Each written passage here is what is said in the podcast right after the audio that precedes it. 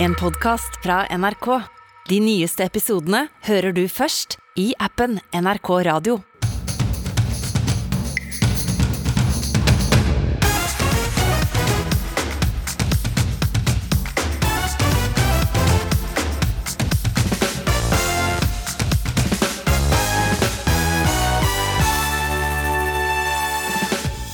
«40 år etter at Den internasjonale hvalfangstkommisjonen forbød kommersiell hvalfangst, driver Norge fortsatt med det. Men bør vi det? Vi tar debatten mellom hvalfangeren og Grønn ungdom. Er det på tide med en matkastelov her i landet? Flere kilo med mat går i søpla hvert sekund. Bli med ukeslutt på containerdykking, hvor det fins alt fra deilig og fersk til gørr og gruff. Her har vi en kinakål. Den ser man er ganske ekkel og full av sine egne sauser. Eh, den har, godt, har god forståelse for hvorfor de er kastet. Vi kommer til å snakke med ham, svarte kongen om kontroversen rundt sin kommende svigersønn, sjaman Durek Verrett. Folk på Slottsplassen gir kongen mye sympati. Det er vanskelig. Jeg, sy jeg syns synd på kongen. Det er vanskelig for han. det er helt klart. Ja. Velkommen Velkommen til ukeslutt. Jeg heter Linda Fedler. Det er september og høsten er offisielt i gang. Lyttere med hytte bør også spisse ørene. Snart skal det handle om hyttestrøm. Det kan fort bli veldig dyrt, men ikke alle mener at hytteeierne bør klage. Vi skal til Valsøyfjorden i Trøndelag, der geologer nå undersøker om det er fare for nye skred. Et bolighus med seks mennesker ble tatt av et skred i går. En ble funnet omkommet, mens de fem andre ble hentet ut i live. Reporter Bjarte Johannessen, du kom til rasstedet i natt. Hva møtte deg? Ja, jeg kom eh, ganske seint uh, fram i, i, går kveld. Dette stedet her ligger jo kanskje en uh, to timers kjøring sørvest for, for, Trondheim, som er egentlig veldig langt sør i Trøndelag og tidligere Møre og Romsdal fylke.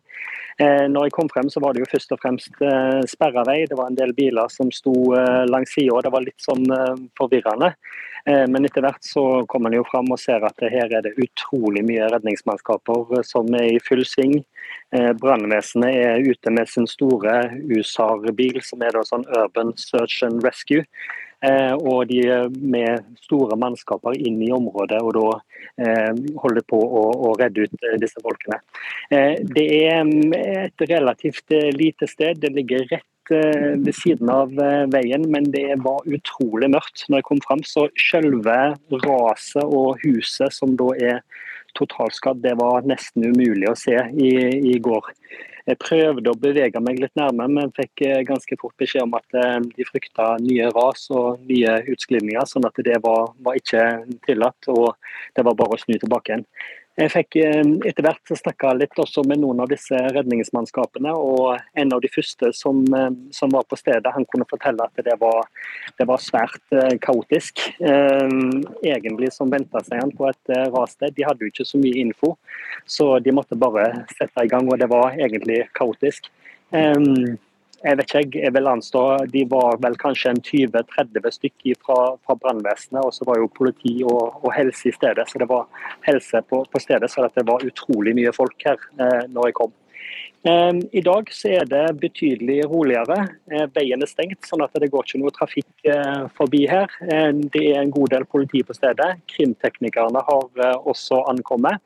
Og så er det en del turister som har kjørt feil, eller de har ikke fått med seg at veien er stengt. Sånn at de er litt uh, forundra og lurer på hvordan de skal komme seg videre.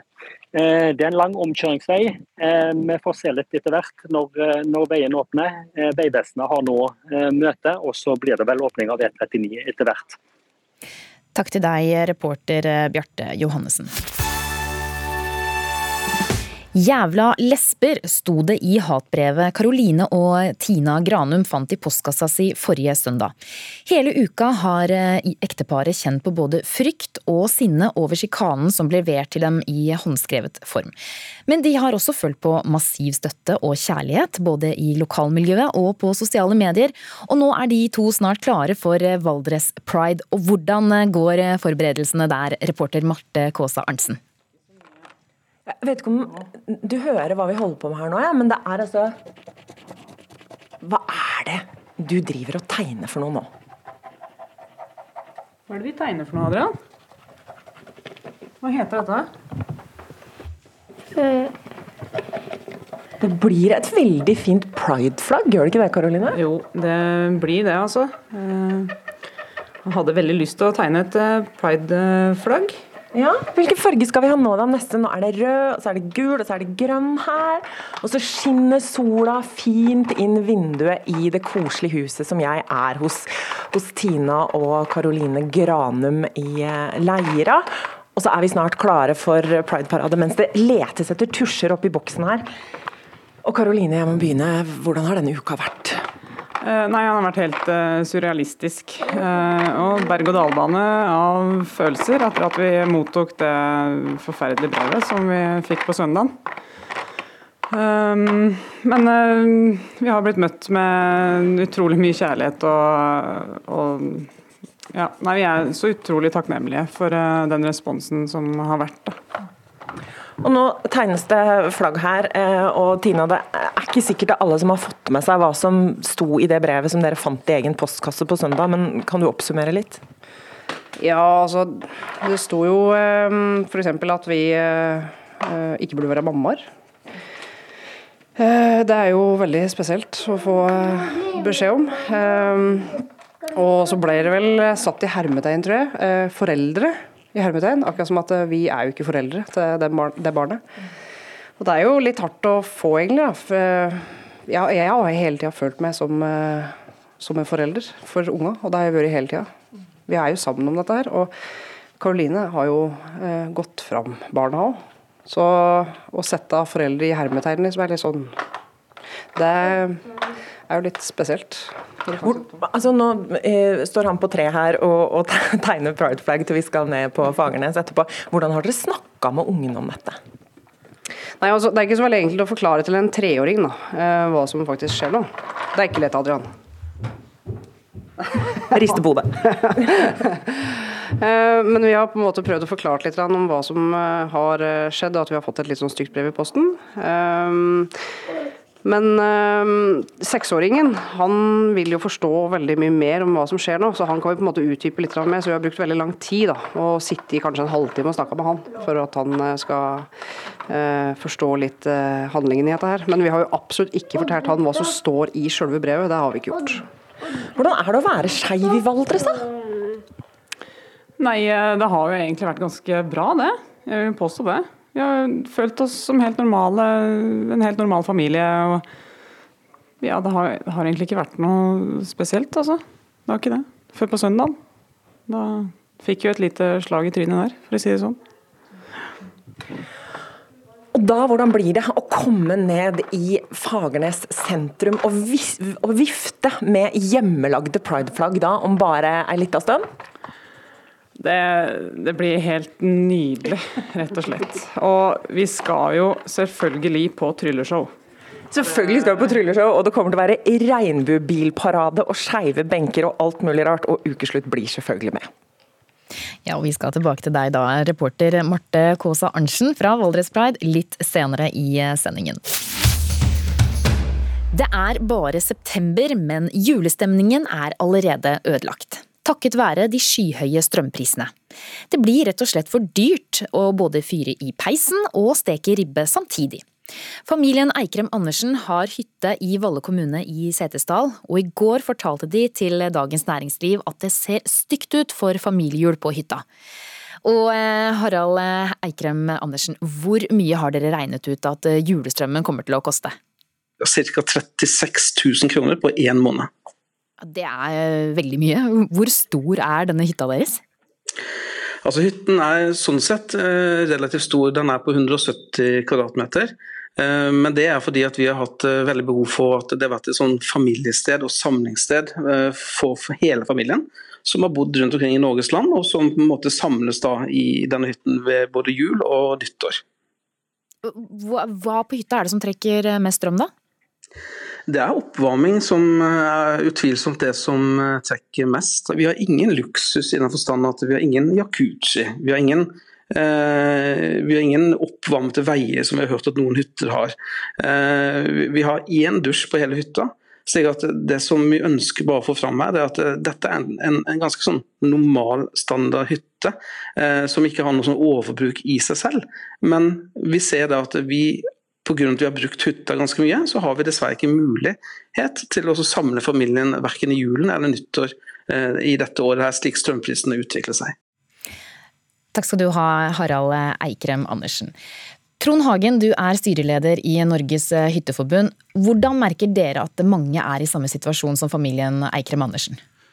Eh, det merker vi ved at vi får et økende, et økende, antall henvendelser om folk som lurer på hva de kan gjøre for å, å få ned strømprisene på en måte, eller å betale mindre, sånn at de kan fortsette å være der. Eller så ser de for seg at de er nødt til å selge. Og, eh, for de har ikke råd til å ha den lenger. Og eh, for mange er det så ille at de har spurt om finnes det alternativer for å slå av strømmen. Slik at vi ikke har annet enn nettleiekostnadene. Og eh, det er litt vanskelig, fordi i veldig mange kommuner så er det nesten pålagt å ha på strøm nettopp pga. Vann, eh, vann- og avløpssystemene. For de er lagt så grunt at det, det må være oppvarming, ellers så fryser det. Så det er mange sånne krav Eh, som da de ikke kan få gjennomført. Eh, blant annet er det flere som har eh, henvendt seg og lurt på hvordan skal vi få avlaste strømregningen ved f.eks. solcellepaneler og alt mulig sånn, for å ha litt i tillegg som gjør at det ikke blir dyrt. Men Anna Soggio, du er utdannet sosionom og nå doktorstipendiat ved Høgskolen i Sørøst-Norge. Syns du synd på hytteeierne? Nei, jeg har eh, empati med at vi er i krise alle sammen akkurat nå, ja. Eh, og jeg skjønner også at hytta har vært veldig viktig, spesielt kanskje i pandemien, når vi alle sammen har vært isolert. Men jeg syns det, det, er interessant, for det her er tredje gangen jeg er i NRK radio og, blir, eh, og snakker om hytte. Så jeg syns det sier noe om hvem som har definisjonsmakt eh, i et samfunn da når vi er i krise. For nå dreier det seg jo om Når jeg leste Dagens Næringsliv i går, da, så snakker man om sekundærbolig og i det hele tatt. Og i grunnen så er jeg kanskje mer opptatt av at alle må få nok før noen skal få dobbelt. Eh, vi snakker om barnefamilier med dårlig levekår i utgangspunktet, med dårlige leiligheter. Det er ikke noe sekundærbolig i det hele tatt, hvor man er redd for om man i det hele tatt har råd til å møte vinteren med basale behov som varme i leiligheten og, og mat samtidig. Men Hagen, forstår du at ikke alle har like stor medfølelse for eh, hytteeiere da, som har lyst til å bruke hytta og være der mye? Ja, det har jeg. Fordi eh, jeg ville jo sagt som eh, argument til det du sier, at hvorfor får de ikke strømmen gratis? Det har Norge råd til. Det er akkurat de verste som har, har det trangest. Men det som er poenget er, for hytteeiere, det er at det, det har konsekvenser så for mange flere enn hytteeieren. Fordi det er mange samfunn i Norge som er bygd opp rundt eh, hytteliv, sånn som Trysil, eh, Hemsedal, eh, Ringebu Altså det uttale av dem Oppdal. Hvor altså i flere steder er det flere hytter enn innbyggere. Og de er fullstendig avhengig av at hytteeieren er der. Men kan de ikke bare leie ut hytta?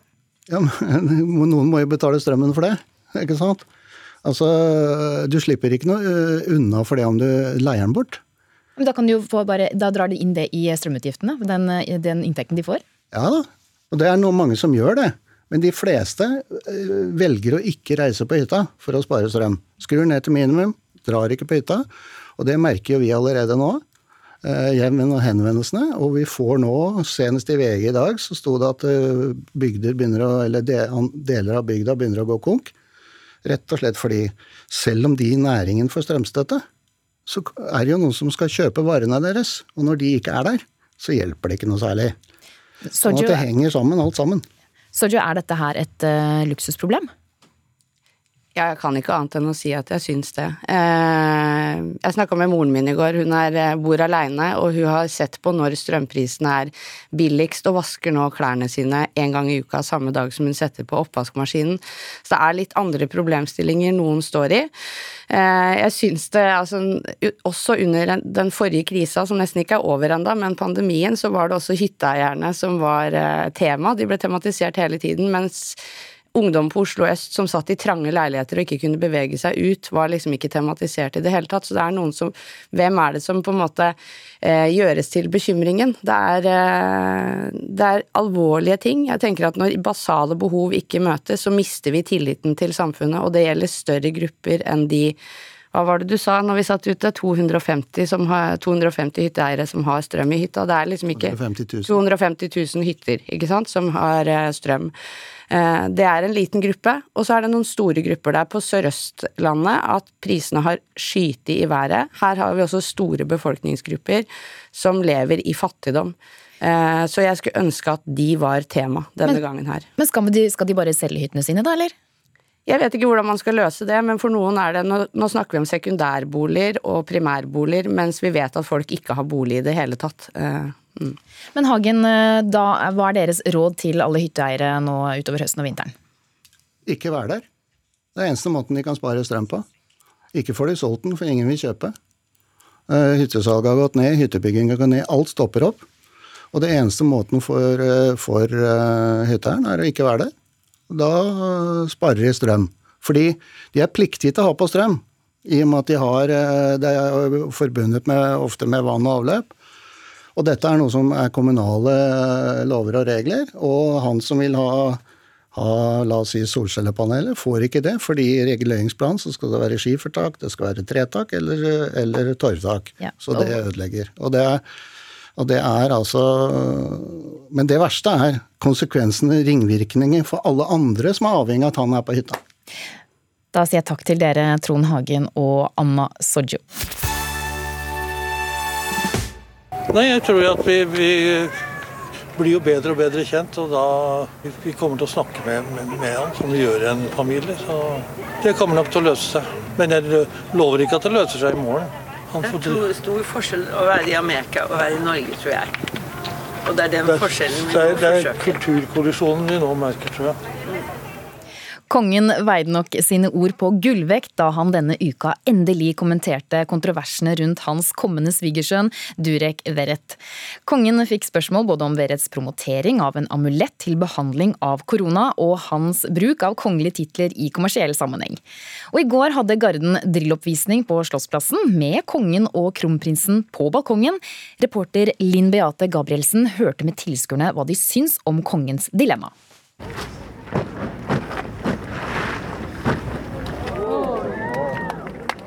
Det er vanskelig. Jeg, sy jeg syns synd på kongen. Det er vanskelig for han. Ja, det det er helt det. klart. Ja.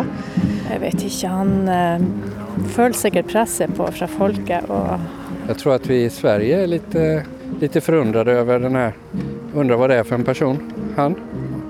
Men samtidig er det vel litt herlig med litt, med litt nytt i kungahuset kan jeg tycka.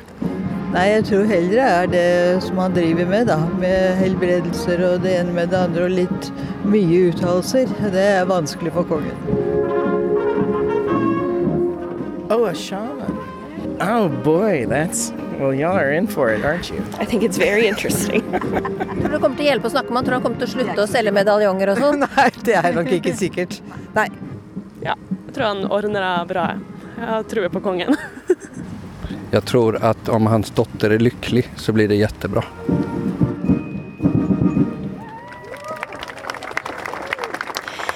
Sindre Kvitil Aasli, du er psykolog og har jobbet mye med familier. Og de fleste slipper å forsvare svigersønnen sin offentlig, slik kongen må, men mange kan vel kjenne seg igjen at det fort kan bli en kulturkollisjon når barna finner seg en partner. Hva skjer når et av barna tar med seg en ny person inn i familien? Ja, man trenger ikke å være oppvokst på ulike kontinenter for at det blir eh, en kulturkollisjon. Man kan egentlig være oppvokst i samme gate eh, og fortsatt kjenne at det blir en kulturkollisjon når en ny person kommer inn i familien. Fordi eh, enhver familie har sin kultur, sine tradisjoner, sine rutiner og måte å gjøre ting på, da. Eh, og alltid når det kommer enten et nytt medlem inn i familien, eller går ut av familien, så kommer familiesystemet litt i ubalanse. Eh, For det rokker litt ved hvordan vi er vant til å gjøre ting på. Skuespiller og svigermor Anne Marie Ottersen, hva tenker du om den opprydningsjobben kongen må gjøre nå? Jeg misunner den ikke. Fordi dette er veldig vanskelig. Og, og etter min oppfatning så har, er jo kongen og dronningen som eh, vanlige mennesker. Når de er vanlige mennesker, så er de jo veldig tolerante, veldig eh, flotte og tar inn eh, folk i sin familie og vil barna sine vel. Men de er også kongefamilie. Og de står for eh,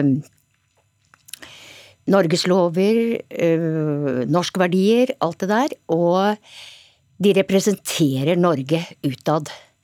Og den konflikten de har fått med, med øh, Durek, er jo at han er øh, Altså at han er sjaman, det får nå så være. Men Hva ville du tenkt hvis han var svigersønnen din? Nei, jeg tenker det at hvis han er, altså han er så kom, Hvis han bruker kongehuset kommersielt, og hvis han jobber kommersielt med dette han driver med, disse medaljongene og alt dette her, det er kjempeproblematisk for Norge. Og hvis han var min svigersønn, så ville jeg bare latt han være i fred, holdt jeg på å si. Ja, skal man la de være i fred? For jeg tenker, hva skaper mest konflikter, Åsli, når familien møtes, eller svigerforhold møtes? Mm. Nei, det kan være så mangt. Men det er vel kanskje det jeg, det jeg, ser en del, er jo at det er litt ulike forventninger til ting. Altså ulike forventninger til hvordan man skal gjøre ting. Og det er alt fra hvordan vi skal rydde ut av oppvaskmaskina, til hva vi skal spise på julaften. For de fleste familier så ligger det kanskje der, eller hvor mye tid vi skal være sammen eller ikke sammen. Vi er rett og slett vant til å gjøre ting på veldig ulik måte, og familierelasjoner er så viktige for de aller fleste av oss at det er veldig fort gjort at vi tråkker hverandre på tærne der. Hva krangles det mest om, da? Uh, vet du hva? Over overflaten så krangles det mest om de, noen av de tinga jeg sa nå. Uh, det som det krangles om under overflaten, er liker du meg, uh, er jeg viktig for deg, og har jeg en tilhørighet her? Anne Marie Ottersen, hvem i din familie er det som må rydde opp når det oppstår en konflikt? Altså, det er meg. jeg er nok mat og familias, i hvert fall ser jeg meg selv sånn. Og jeg snakker med Jeg har veldig nært forhold til barna mine, og svigerbarna mine også. Og vi er jo en stor familie, for vi er jo særkullsbarn, som det heter. Vi er jo altså bonusbarn. Jeg har jo bonusbarn også. Jeg blander meg ikke så veldig mye opp i deres Jeg blander meg egentlig så lite jeg kan. Fordi jeg mener at de svigerbarna mine, de har, er glad i mine barn. Og det syns jeg er en veldig fin ting. For hvordan løser du opp? Kjenner du deg igjen i eksemplene som disse kranglene som Åsli her nevner? Altså, har, jeg kan ikke huske at vi har hatt sånne krangler, men jeg kan jo huske noen stillheter. Altså at man bare aksepterer.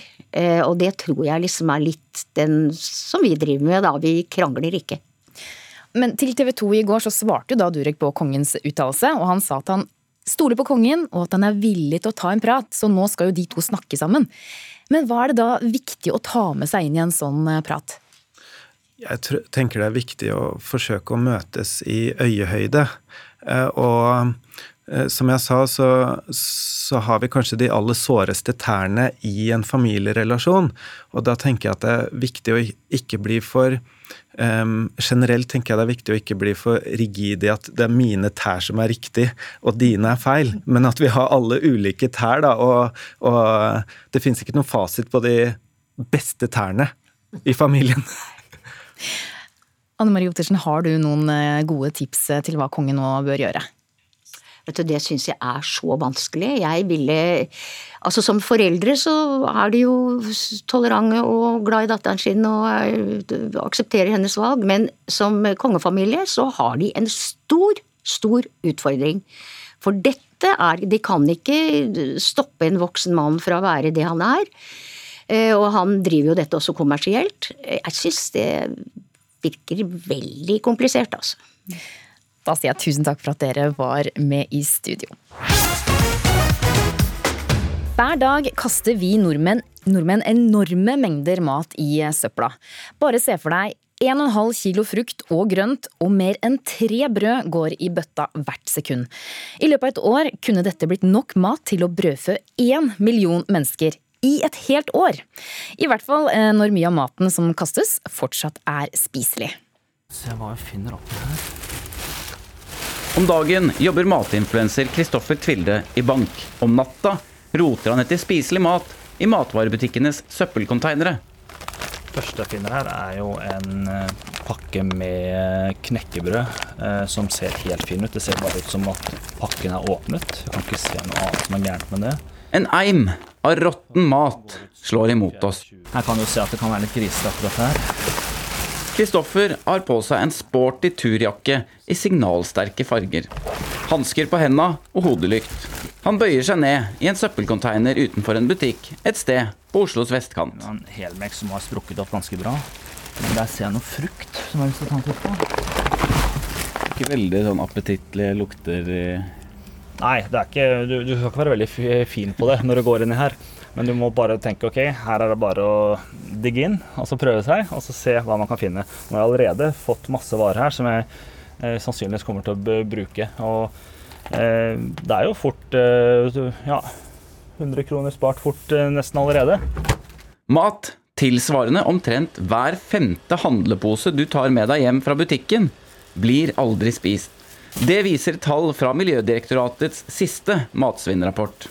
Og det til tross for at frivillige bransjeavtaler og holdningskampanjer har redusert matavfallet de siste åra.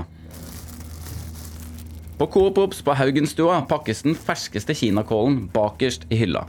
Et av mange tiltak for å selge varene før de blir dårlige. Det skal være friskt, og det skal være ferskt, og det skal se bra ut. og sånn et, eh, et råttent eple i kurven er ikke bra, ikke sant? Knut Lutnes er kommunikasjonsrådgiver i Coop.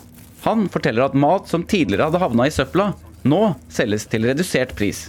Her får du da en mango som er litt uh, mjuk i kanta, eple med noen brune flekker, men da får du den billig. Sånn. Til slutt havner maten som ikke blir solgt, her. Her er da et eh, nedkjørt eh, rom til de, de produktene som da ikke blir solgt. Også de som handler her på Haugenstua, er opptatt av matsvinn. Ja, vi spiser alle rester. Alt det som vi har da til overs, det tar vi til neste dag. Hva tenker du om at vi kaster eh, mat nok til å fôre én million mennesker i et år i Norge? Grusomt. Grusomt, ja. Helt forferdelig. Helt ille. Det er en del må kastes eh, pga. Eh, dato er gått ut og sånne ting. Men eh, ja, vi passer på med kaster ikke så veldig mye. Hva tenker du om eh, hva man kan gjøre for å få ned all matavfallet? Man kan begynne med mindre forpakninger, f.eks. Jeg som er singel, så er det vanskelig å kjøpe én ting når du har må kjøpe sånne rekker med fem løk, f.eks. Nei, Jeg er ganske nøye med å ikke kaste pålegg og diverse. Ja. Men det blir jo ofte mye søppel eh, likevel. ja, det gjør det. Det har jeg merka. Det er helt klart. Ja. Derfor vil mange at Norge skal følge etter land som Italia og Frankrike og lage en matkastelov. Vi bruker opp store mengder ressurser over hele verden, egentlig, eh, som ender med å bli kasta. Anja Bakken Riise leder organisasjonen Framtiden i våre hender. Det vi egentlig ønsker oss, er en slags eh, kall det panteordning for eh, matsvinn. Så vi ønsker at alle aktørene i matbransjen at de skal være med og finansiere eh, det vi har kalt for matsvinnselskaper. Og så er det matsvinnselskapene som har ansvar for å samle inn og finne en god måte å håndtere det matsvinn og overskuddsmaten som oppstår, eh, og sørge for å få det videre fordelt. Men selv om regjeringen for snart et år siden slo fast at den skulle utarbeide en matkastelov, har de fortsatt ikke bestemt seg for hvordan denne loven bør se ut. Enn så lenge er det kanskje opp til sånne som Kristoffer Tvilde å grave i søpla etter skjulte skatter, når matvarebransjens egne tiltak ikke strekker til. Så veldig fornøyd med fangsten, men igjen, jeg syns det er tragisk å se på hvor mye mat som ligger i søppelkassen her. Det er, eh, det er en vond følelse der oppe å se på ok, dette er så mye god mat som vi bare kaster. Men barna dine og sånn, syns de det, er helt eh, De syns ikke det er ekkelt å spise mat som har vært i en søppelkasse? Eh, De vet jo det ikke. så de, de forholder seg ikke til hvordan vi drar i butikken og hvordan jeg handler maten. Så, så lenge de får maten og de syns den smaker godt, så er de fornøyd. de. Så om den har gått ut på dato eller sånne type ting, det kunne ikke de brydd seg mindre om. Så det har, eh, har ingenting å si, eh, si her. Her har vi en kinakål. Den ser man er ganske ekkel og full av sine egne sauser. Eh, Den har, godt, har god forståelse for hvorfor jeg kastet. Det er noen som tar til orde for at eh, man må få innført en sånn matkastelov. Ja. Hva syns du om det? Det syns jeg absolutt vi bør gjøre. Så Der mener jeg at det skal svi å måtte kaste mat på butikkene.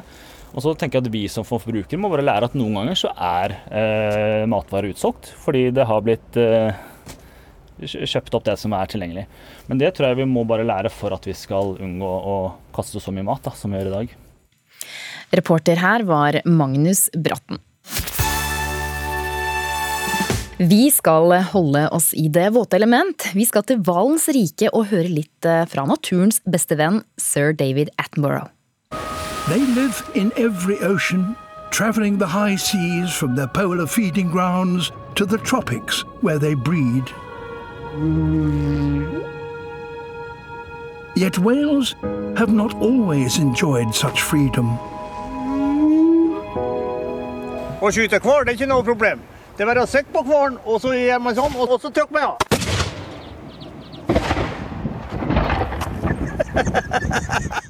Han var eh, kanskje ikke hvalens beste venn. Tidligere politiker og hvalfanger Steinar Battesen var her på sin aller siste hvaljakt i 2011. Og det er nettopp hval vi nå skal ha på menyen. For 40 år siden gjorde Den internasjonale hvalfangstkommisjonen det forbudt å drive med kommersiell hvalfangst over hele verden. Men tre av kommisjonens medlemsland valgte å reservere seg mot denne avtalen, nemlig Island, Japan og Norge. Vi fanger fortsatt eh, vågehval her til lands, og debatten om hvorvidt hvalfangst skal være lov, den blusser stadig opp. Thomas Dahl, du er eh, hvalfanger fra Svolvær i Nordland. Hvorfor driver du med hvalfangst? Jo, nei da, det er nå både for eh, tradisjon sin del, og så er det jo veldig viktig at vi, eh, at vi høster av hvalen. Med tanke på eh, antall biomasse som blir tatt ut av havet hvert år. Hvordan foregår denne jakten? eh, jo, den foregår med at vi, eh, vi går på havet, ikke sant? sitter på tak og i tynne og leter. Og når vi har funnet hvalen, så går vi på han og prøver å få han innafor eh, kanonens rekkevidde. Og så skyter vi han med granatharpun. Og så eh, er han som regel død. Eh, Ulrikke Torgersen, eh, nasjonal talsperson for eh, Grønn ungdom. Dere er imot hvalfangst. Hvorfor det? Vi mener det er ingen gode grunner til at Norge som et av få land skal drive med kommersiell fangst mot internasjonal konvensjon. Og så er vi naturligvis imot fordi vi mener det er uetisk, og ikke minst dyrevelferdsmessig totalt uansvarlig, at vi både risikerer å påføre og påfører med de metodene vi har i dag, vågehvalen enorme lidelser. Vi vet at én av fem hvaler lever i flere minutter, opptil en time, med ubeskrivelige smerter som følge av skaden fra harpunen som brukes i jakten. Og Norge er i dag det landet i verden som dreper aller flest hvaler. Og eh, på tross av at både EU og internasjonale deler av, av eh, altså internasjonale samfunnet og USA ber oss om å stanse fangsten av dyrevelferdshensyn. Og dette skal vi naturligvis lytte til, mener vi. Hva tenker en hvalfanger om eh, det Grønn ungdom eh, sier? Nei, altså eh, Jeg hører hva du sier, det gjør jeg jo. Men, eh, men sånn er det jo i all form for jakt. Når du går på elgjakt og skyter han med et gevær, så kan det jo gå ikke bare en time, det kan jo gå tolv timer før de finner han og får avlive han. Så jeg tenker jo det at de burde nok spre synet sitt litt rundt, og ikke bare se på hvalfangsten. Det er klart, Skulle vi ha hatt en, en kanon med, med kuler som ekspandert sånn som hadde vært tilsvaret på jakt, så måtte vi jo ha ti ganger så store båter, ikke sant? Det er jo den mest humane måten du kan avlive et dyr på. Og at én av fem hvaler går så lenge, det har jeg aldri vært med på. Men hvorfor mener du at eh, man skal drive med hvalfangst da, eh, Dahl? Nei, altså, det, vi fisker så mye fisk at vi er nødt. Det, det sier seg sjøl, det. det. Vi, vi tar opp så mye av maten til hvalen. Nå har jeg ferske tall fra en tur som ble gjort nå nettopp og avslutta for under ei uke siden. Og hvalen er så tynn nå så sent på året som han er når han kommer til kysten og skal begynne å spise. Ja, Realiteten er dette er en myte, det eh, Dale påstår her. Realiteten er at vi vet veldig lite om hva som utgjør en robust hvalbestand. Og ingen kan si bastant, ifølge forskning, at Norges jakt på vågehval faktisk utgjør en forskjell på økosystemene. I dag er norsk fangst på vågehval kun altså mulig. Mulig fordi nesten alle andre land har stoppa med vangsten av dyrevelferdshensyn. Vi fortsetter altså å tappe havet for ressurser som resten av verdenssamfunnet har bestemt seg eh, for å bevare. Eh, og I tillegg til de dyrevelferdsmessige årsakene, så er det jo selvfølgelig eh, dette med at vi står midt i en masseutryddelse av arter. Og vi vet at vi eh, bør opptre med et føre-var-prinsipp. Og vi skal ta vare på kloden og ta vare på de artene som vi har rundt oss. Og så sier jo da fiskeri- og havminister Bjørnar Skjæran at norsk hvalfangst bidrar til balanse i de marine økosystemene, men tar han da feil, da? Ja, dette er en myte som er, er, er oppklart av forskere. Um, og det er viktig å si at vi kan ikke med sikkerhet si at det å uh, skyte hval vil bidra til en positiv um, gevinst for økosystemene. Forskningen er derimot klar på at hvalen er nettopp med på å øke havets produktivitet. Hvalen gjødsler havet med avføring som gir mat til plankton og mat til fisken. Og eh, gjødselen flyter opp til havoverflaten og binder faktisk CO2-utslipp. Så jeg mener det er mye flere positive sider, eh, også dyrevelferdshensyn, for å bevare hvalen istedenfor å drive med kommersiell drift, som det er snakk om her. Thomas Dahl, eh, er det ikke da synd på hvalen når vi hører Ulrikke Torgersen snakke her? Nei da, jeg syns vi burde ta ut enda mer enn hva vi gjør. Ja, men, det det syns jeg virkelig. Men hvorfor det? Det er jo for å prøve å bidra til at, at, det skal bli mer fisk.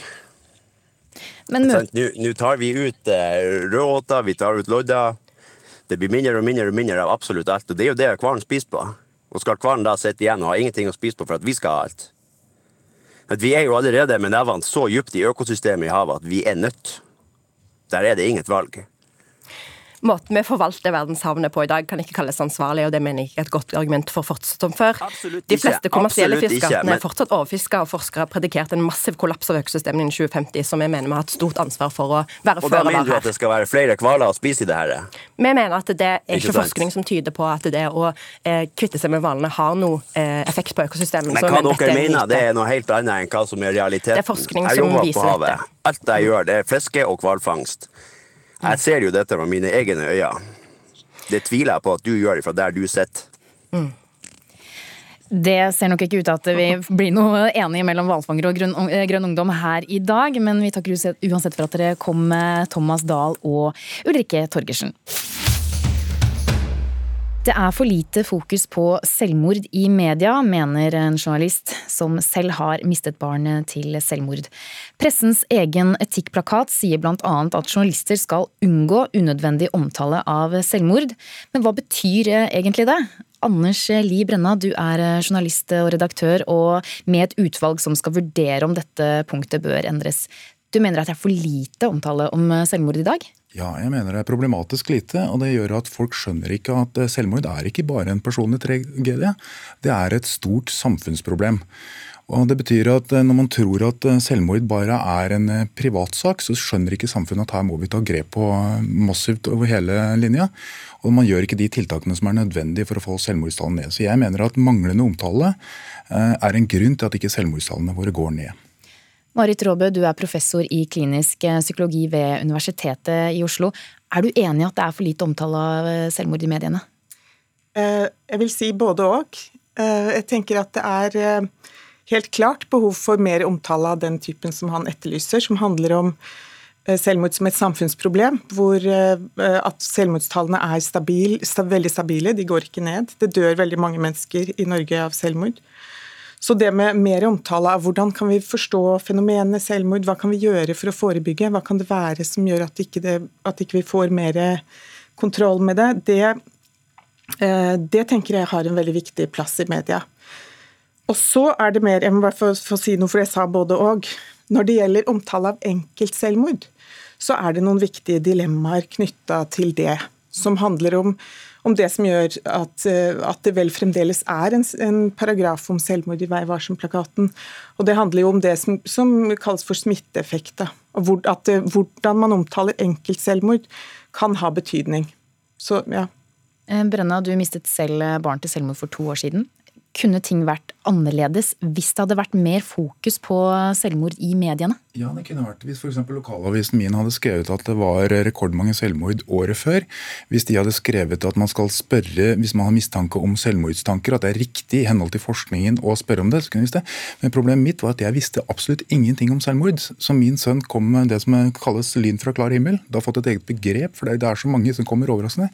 Og jeg visste altså ingenting om selvmord før klokken 10.35 mandag 29.8 for to år siden. Jeg var totalt uvitende, og jeg jobber i pressen. Jeg leser alt som pressen skriver, alt, men jeg visste ikke om det, fordi dette er et problem som ties og som skrives for lite om. og Dermed så vet vi ikke hva det er før det er for seint. Slik Vær varsom-plakaten er i dag, så eh, ender det opp med at man skriver minst mulig om selvmord. Og da blir selvmord håndtert som om det er et eh, problem for spesielt interesserte. Og spesielt interesserte er etterlatte. Det er ikke et problem for spesielt interesserte. Det er som jeg sier, det er et folkehelseproblem, et samfunnsproblem. Og hvis vi skal få gjort noe med det, så må problemet få massiv oppmerksomhet, slik at politikere skjønner at de må vedta ting, at forskere blir tiltrukket til fagfeltet, og det aller, aller, aller viktigste av alt, at de som går rundt med selvmordstanker, ikke går rundt og tror at de er alene eller at de er en av få, men at de faktisk får en slags eh, opplæring, en forståelse for at de må gå ut og snakke om det. Men når de går og har selvmordstanker, og så leser ingenting om det, de hører om selvmord, men de ser at ingen snakker om det, ingen skriver om det hvis noen tar selvmord, så tenker de denne tankefeilen som så mange av dem har, inkludert min sønn, om at verden får det sannsynligvis bedre når jeg er borte. Så denne manglende omtalen av selvmord er direkte farlig overfor de som har, er i faresonen. Robu, hvordan mener du at mediene bør omtale selvmord, da? Mm. Jeg tenker at De bør omtale det sånn som et folkehelseproblem, sånn som, som Brenna snakker om her.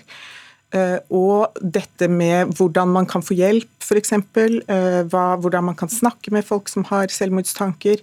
Og også eh, det at Selvmordstanker er jo også et veldig utbredt fenomen. Mye mer enn veldig mange flere som har det, enn de som begår selvmord, heldigvis. Og det er, det er det, ikke, det med selvmord som lyn fra klar himmel, det er en gruppe, en undergruppe, særlig unge menn, sånn ca. 140 i året, tror jeg, som som det skjer med, som jo er uendelig tragisk. Og så er det ganske mange flere som har forskjellige andre Hvor det har vært mer tydelig da, for omgivelsene, eller hvor det har vært en prosess. Så, så jeg tenker at det er all grunn til å, til å um, omtale selvmord og selvmordsrisiko på en måte som at, som opplyser mennesker. Og, det det, og jeg tenker at det er ikke Jeg tror ikke heller jeg, synes, jeg har jo lagt merke til at det har vært ganske mye selvmordsomtale egentlig i de senere år, som jeg har sett, hvert fall, og det, det, er det belegg for også. Og de har jo laget en redaktørforening der som står for den nå, den veilederen for selvmordsomtale, hvor det står veldig mye fornuftig. Og så skjer det allikevel at det er noen ganger mer sånn sensasjonspreget og uh, forenklede fremstillinger av, hvordan, av enkeltselvmord, da, som er det som er uheldig. Og, og, mm. ja, men Brenna, eh, hvor tenker du at grensa bør gå da, i en, i en, omtale? Skal man fortelle hvordan et selvmord er blitt gjort? Nei, eller kanskje i noen tilfeller så skal man det, for det er forskning som viser begge deler. Men det viktigste er at vi må gå fra unngå omtale til hvordan omtale. Og der er vi jo helt enige der. Men når snakker, jeg nevnte dette med lyn fra klar himmel. Du sier 140 år. Jeg har basert på det jeg har klart å finne ut, regna med til 250 selvmord i året. Men hvis vi kan gjøre noe med 140 selvmord i året Altså, ta det tallet 140 selvmord. Det er altså tre busslaster med mennesker, nordmenn, som tar i livet sitt. Det sier seg selv at da må vi gå, gå til verks. Jeg tror ikke at vi skal gå fritt frem. Vi skal ikke lage noe helt spekulativt farlig journalistikk. Vi skal, vi skal ha enhver varsom-plakat som har et punkt om selvmord. Selvsagt skal vi det. Men slik den er i dag, så er den problematisk. Aftenposten kjørte en serie med fantastisk bra artikler. Eh, veldig tungt for meg, men de skrev i sin metoderapport eh, til Scoop, hvor de prøvde å vinne Scoop-prisen, de nådde ikke opp, det var veldig bra, at Vær varsom-plakaten kom i veien for den jobben de gjorde. Et av de grepene de gjorde der, som jeg syns var veldig bra, var at de satte selvmord på forsiden. Forsiden den var ikke gjemt bort i et ukeblad eller for spesielt interesserte, men de tvang på en måte hele samfunnet til å se det. Den forsiden besto av dødsannonser inkludert min sønns, og det var helt grusomt. og Jeg klarer fortsatt ikke å si det utenfor tårene, men den var riktig, og den var viktig. Og jeg skulle ønske at det var mer av den type journalistikk som på en måte satte det ned og sa her er realiteten, den er brutal, det må gjøres noe med den. Men hvis vi er så tilbakeholdne som vi er med Vær varsom-plakaten i dag, så skaper det problemer. Og jeg har hørt direkte fra journalister som har intervjuet meg, som har intervjuet andre, motstand internt at vi skal ikke skrive om selvmord fordi de tror at det fører til flere selvmord. Vi har en uttalelse fra Pressens faglige utvalg så sent som 25.11.2020, et par uker etter min sønns selvmord, hvor de skriftlige skriver at omtale av selvmord kan føre til selvmord. Man har myter bakt inn i Vær varsom-plakaten og pressens etiske regelverk, og vi må bli kvitt mytene. Og De viktigste mytene er denne farligheten av å snakke om selvmord. Så spurte du meg hvor skal grensen gå. Nei, de nøyaktig, der er jeg litt usikker. Åpenhet er nøkkelen til å hindre selvmord, til å håndtere selvmord. Det var det kriseteamet anbefalte meg. En, og jeg var åpen fra første dag. Men det var en utrolig kraft for meg å velge å være åpen. Men jeg ser at det er veldig problematisk hvis man blir påført åpenhet. La oss si at jeg ikke var klar for å være åpen. Kanskje noen andre kom og påførte meg åpenhet om at min sønn var Det ville være veldig problematisk. Da er vi i hvert fall enige om at åpenhet rundt selvmord, det er viktig. Tusen takk til dere, Marit Råbu og Anders Li Brenna. Tidligere i ukeslutt var vi hjemme hos det lesbiske ekteparet i Valdres som hadde fått håndskrevet hatbrev i posten.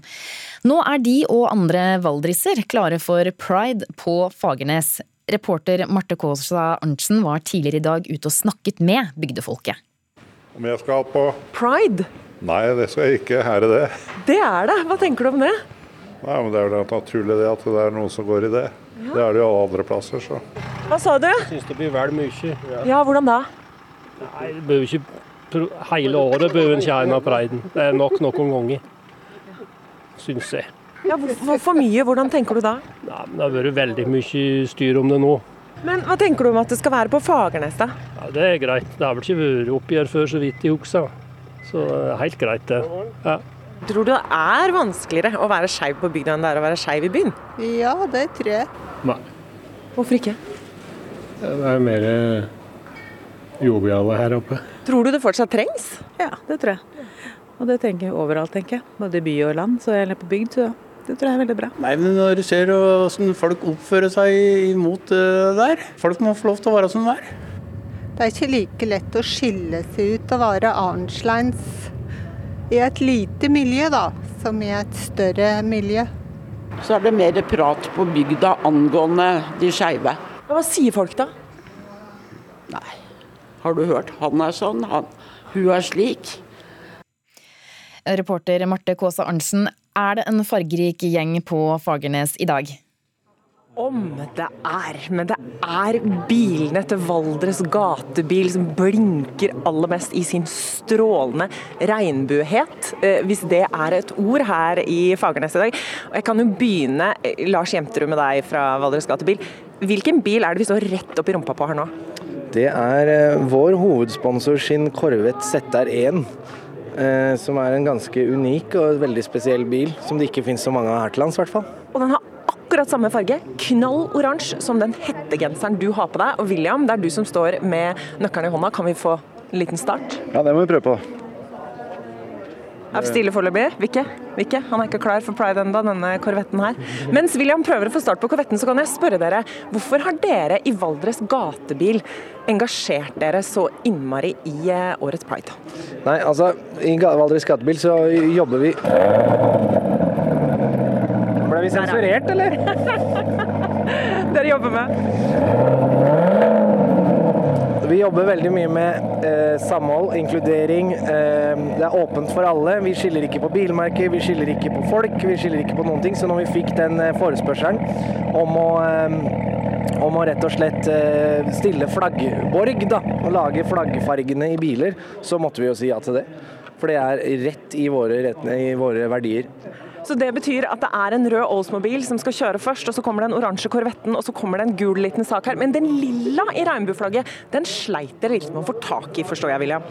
Ja, Det viser seg at det, det går ikke så mye lilla bil etter veggene. Så det, Heller ikke grønne, men det hadde vi heldigvis sjøl.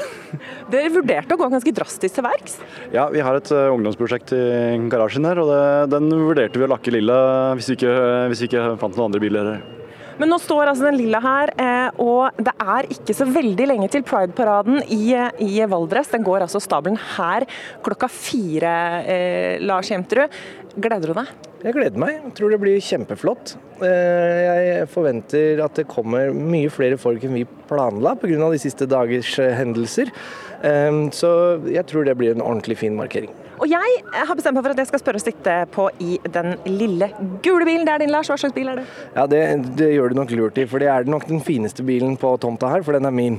Eh, nei, det er en Lada eh, 2103 fra 76 som jeg er heldig å være andre eier på. Gleder meg veldig til å råne rundt i den i Fagernes. Og god tur til deg i en Lada, reporter Marte Kaasa Arntzen, som vi også skal høre litt mer fra senere. En styreformann i et russisk oljeselskap falt ut av et sykehusvindu og døde denne uken. Tidligere har vi hørt om en oligark som ble funnet død hjemme i badekaret. Flere journalister og andre er blitt forgiftet, påkjørt eller drept. Hva har de til felles? Jo, de har alle kritisert eh, Putin offentlig. Gjermund Stenberg Eriksen, du er serieskaper som bl.a. har laget eh, thrillerserien Furia på Viaplay. Nå er du med oss fra Lofoten, der dere spiller inn eh, Furia 2. Er det så tilfeldig at Putin-kritikerne dør eller blir utsatt for andre typer overgrep? Ja, Det er det helt klart ikke.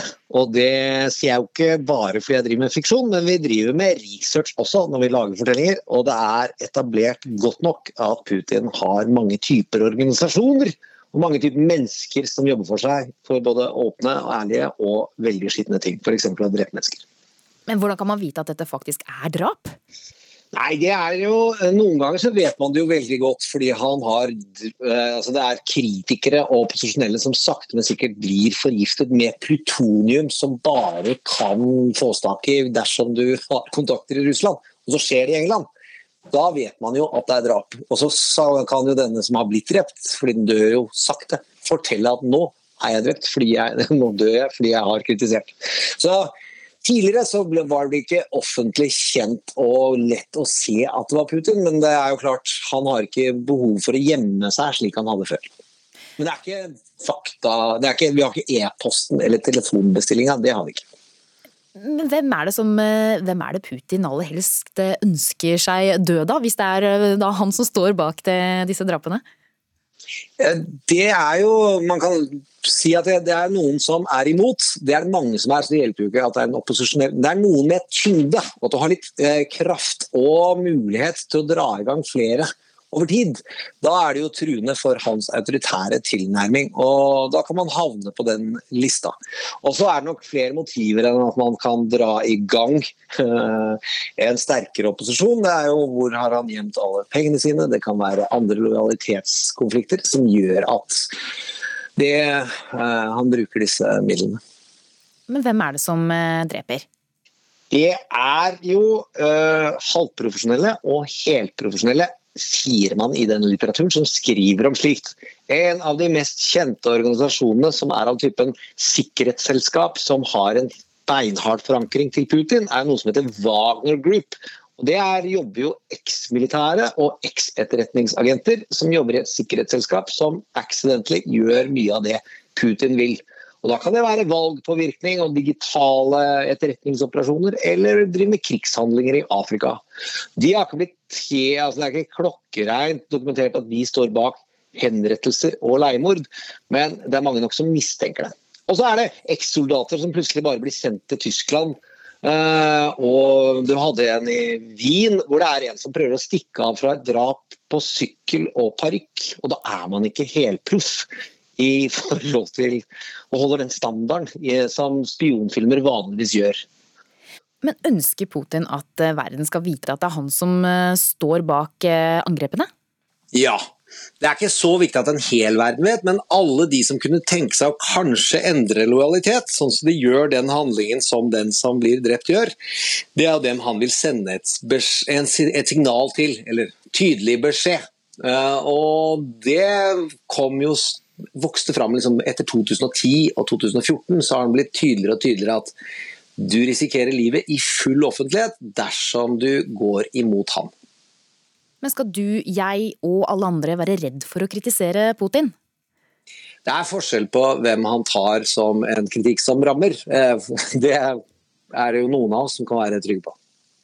Hvem, men hvem, hvem er som skal på en måte passe seg for å kritisere han offentlig? Ja, Det er særlig opposisjonelle som kan gjøre noe med hans posisjon innad i Russland. Utenfor så er han jo mislikt og mildt sagt ikke respektert. Så hvis du har kraft eller mulighet til det, eller har da injurierende kraft, at du har en jobb eller posisjon der du kan dokumentere hvor han har pengene sine f.eks., eller gjøre noe slikt, så tror jeg man kan se på å være farlig. Men uh, serieskaper, ikke så nøye. Takk for at du var med i Ukeslutt, Gjermund Stenberg Eriksen. Vi skal til yrkeslivet og til en jobb man kanskje ikke hører om eh, så veldig mye, nemlig dette.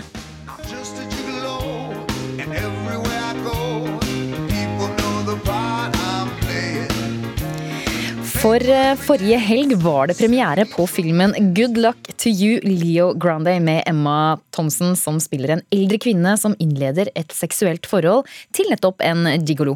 En mannlig ung eh, prostituert. Vi skal høre et lite klipp fra filmen.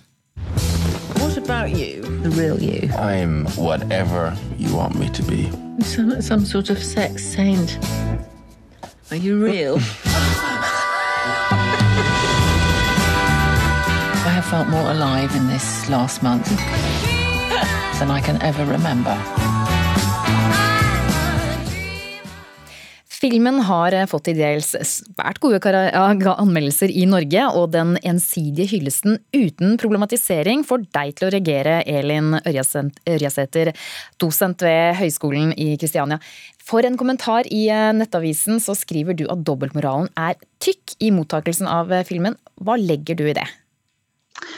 Eh, jeg legger jo i det at eh, fordømmelsen er ganske ensidig når det er eh, eldre menn generelt som kjøper sex av unge kvinner. I hvert fall tror jeg den hadde vært det dersom framstillingen hadde vært sånn som den er i denne filmen. Fordi denne unge mannen, han elsker jobben sin. Han finner det så meningsfylt å eh, liksom tenne bestemors seksuelle flamme, for å si det litt fleipete. Ehm, jeg syns den er veldig sånn Det er en veldig ideologisk film, på en måte. Eh, og dersom du hadde snudd det på hodet, så tror jeg anmelderne hadde fått virkelig problemer dersom det hadde vært en eldre mann og en ung kvinne. Hanna Bull Torvik, anmelder i Dagbladet. Du har gitt denne filmen terningkast seks. Hvorfor det? Nei, jeg har gitt denne filmen terningkast seks fordi det er eh, en seksuell oppvåkningshistorie som er spesielt vittig, syrlig og øm, eh, som på en veldig god måte undersøker intimitet og makt. Så rammen for handlingen den er jo dristig. ikke sant? Det er en kvinne som kjøper sex fra en ung mannlig luksusprostituert. Men pga. det innsiktsfulle menneskemøtet så klarer den å engasjere i hvert fall meg i et eh, veldig uvant scenario. Eh, Ørjasæter, er det prematurt å lange ut om en dobbeltmoral etter én film eh, om dette temaet, når, når den får samtidig så gode kritikker? Jo da, eh, nå var vel mitt innlegg litt for å skape litt balanse. For jeg syns det var så overraskende at det bare var Stavanger Aftenblad som problematiserte litt på samme måte som jeg. Men jeg vil gripe fatt i det anmelderne i Dagbladet sier om at dette er en seksuell oppvåkningshistorie. Og det er helt riktig. Eh, jeg har bare aldri oppfattet at eh, allmennheten har vært så veldig opptatt av eldre menns eventuelle seksuelle oppvåkningshistorie. Det er, noe, det er liksom noe med at denne kvinnen vi, vi, føler så med henne, vi er på hennes side. Jeg syns det er en sånn underliggende ideologi her med at eldre kvinner har rett til kjøpesex på en annen måte enn menn har rett til kjøpesex. Og da tenker jeg at all den all den oppvåkningen vi har hatt rundt at prostitusjon faktisk er problematisk, skal den bare gjelde når det er menn som kjøper kvinner? Den burde jo også gjelde når det er kvinner som kjøper menn. Hva tenker du om eh, det, Torvik? Kunne på en måte rollene vært switcha og det blitt en like god film? Jeg kan si meg enig i at det er vanskeligere å lage en film i dag med omrokørte kjønnsroller. Men jeg ser det ikke som umulig. Jeg, for å lage tank, et tankeeksperiment så kan man se for seg en misantropisk mannsskikkelse. Eh, ja, la, la, oss si en Michelle Olbeck-aktig figur uten seksuell mm. erfaring. Og det at en incel leier seg inn en ung kvinnelig prostituert, og hvis det var utgangspunkt for et forbilledlig menneskemøte som løftet fram tanker om hans uh, livslange ensomhet, så ja, det er en film jeg gjerne kunne sett. Men, det var jo faktisk en veldig god idé til en film. Altså, det var en kjempegod idé. Um, da er vi helt enige. Ja, ja. Mm. Men Ørjasæter, er det, er, det, er en scene i filmen du reagerer spesielt på, og det, er, eh, det handler om den lykkelige prostituerte. Fortell om det.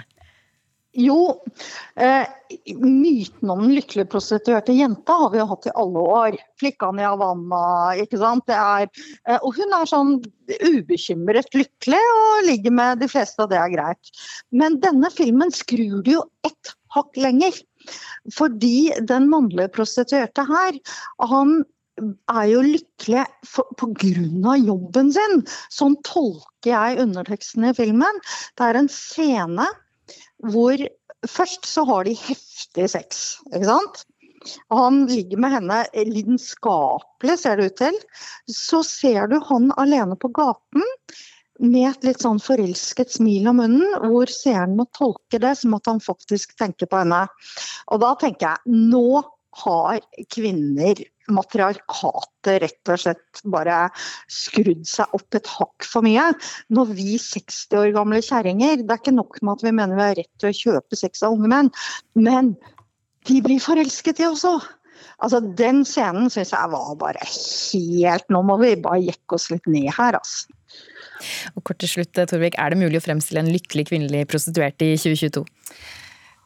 Vi så f.eks. i den svært populære romantiske komedien 'Pretty Woman' med Julia Roberts. og Da var det jo en eh, lykkelig prostituert som møtte denne eldre mannen, eh, som kanskje rett og slett også var urealistisk. Han var for vakker, han var for snill, han var for sjarmerende mm. til å være en rik horekunde. Men mm. eh, like fullt er det en klassiker, eh, rett og slett pga. et svært sterkt menneskemøte. Men, eh, jeg Men. håper noen regissører tar mm. utfordringen og prøver å tematisere prostitusjon eh, på en måte som kanskje ikke idealiserer prostitusjon. Ja, vi får nå se om det kommer en eh, slik film, og vi takker for at dere var med i Ukeslutt, eh, Elin Ørjasæter og eh, Hanna Bull Torvik. Regnbuebiler, skeive benker og dragshow for de minste. Vi har hørt at kjærligheten feires i, eh, med en ekstra heftig parade på Valdres eh, Pride i dag. Men det var ikke akkurat kjærlighet som preget eh, starten på uka for noen av dem som skal gå i tog i dag. Reporter Marte Kaas Arntzen. Nei, det var jo ikke det. Vi hørte jo tidligere i ukeslutt i dag historien til Tina og Karoline Granum om dette håndskrevne hatbrevet de fikk i posten forrige søndag, med grov sjikane, som nå etterforskes av politiet. Og Karoline og Tina de er på vei ned hit med guttene sine for å gå i pride-tog her i Fagernes når klokka er fire. Og ei som er skikkelig klar for det, det er leder i Valdres Pride, Ragnhild Lund. Du sitter på planet på en bil her med frimerke på den svarte svarte kjolen din, og så er du i ferd med å teste megafonen. Få høre. Happy pride! Happy pride! Og den funker. Den funker, ja det er godt å høre. Og Ragnhild, vi hørte jo også noen folk tidligere i dag som jeg hadde snakka med som sa at nå må slutte å mase med dette pride-greiene. Hva vil du si til dem? Og det er, det er, trist at vi får høre det gang på gang. Altså Jeg hører det hver dag, flere ganger om dagen. Ikke lag så mye styr. Men jeg vil si til dem at eh, når man ikke har det bra, så går man til de nærmeste. Man prøver hele tiden å få trøst, rett og slett. Og jeg tror at det er derfor vi trenger pride nå. Vi går sammen med de nærmeste og de som støtter oss, og feirer pride fordi vi trenger den tryggheten. Nå skinner eh, sola på regnbueflaggene her i Valdres. Er det enklere å være skeiv i Valdres i dag enn det var før? Nei, det er faktisk verre. Hvorfor det? Nei, det, Jeg vet ikke hva som har skjedd, men det er jo eh, det er eh, rett og slett vanskelig å få å komme ut som skeiv i Valdres i dag. Fordi det er eh, noen vil rett og slett ikke hilse på oss. Altså, vi har vært på skoler og snakket med barn, og da vil ikke de ta oss i hånda fordi at vi er homofile. Og det er klart at det gjør, det gjør vondt, men hvor ligger det ansvaret? Hvem er det som gjør at de barna kan tenke sånn, at ikke de kan ta en homofil i hånda. Og der, Det må vi gjøre noe med. Og Derfor er det enda viktigere med pride. Og det er enda viktigere når vi vet at vi får sånne hatbrev som vi har fått nå. Vi må feire pride. Dere skal feire pride. Paraden går altså her fra Fagernes i dag klokka fire. Da blir det megafon, og så blir det også fest med de som snart kommer gående inn på plassen her, Tina og Karoline Granum. Det lesbiske paret som også opplevde å få dette eh, sjikanerende brevet forrige, forrige søndag. Ha en fin parade, og tusen takk skal du ha, Ragnhild Lund. Takk skal dere ha for at dere kom! Ha det! Vi takker for eh, opp eh, rapporten fra Valdres Pride, Marte Kaasa Arntzen, reporter. Ansvarlig for sendingen i dag har vært eh, Kari Ørstavik. Teknisk ansvarlig Helje Svensson. Og i studio meg, Linda Fedler. Vi ønsker dere en fin lørdag videre. Du har hørt en podkast fra NRK. De nyeste episodene hører du først i appen NRK Radio.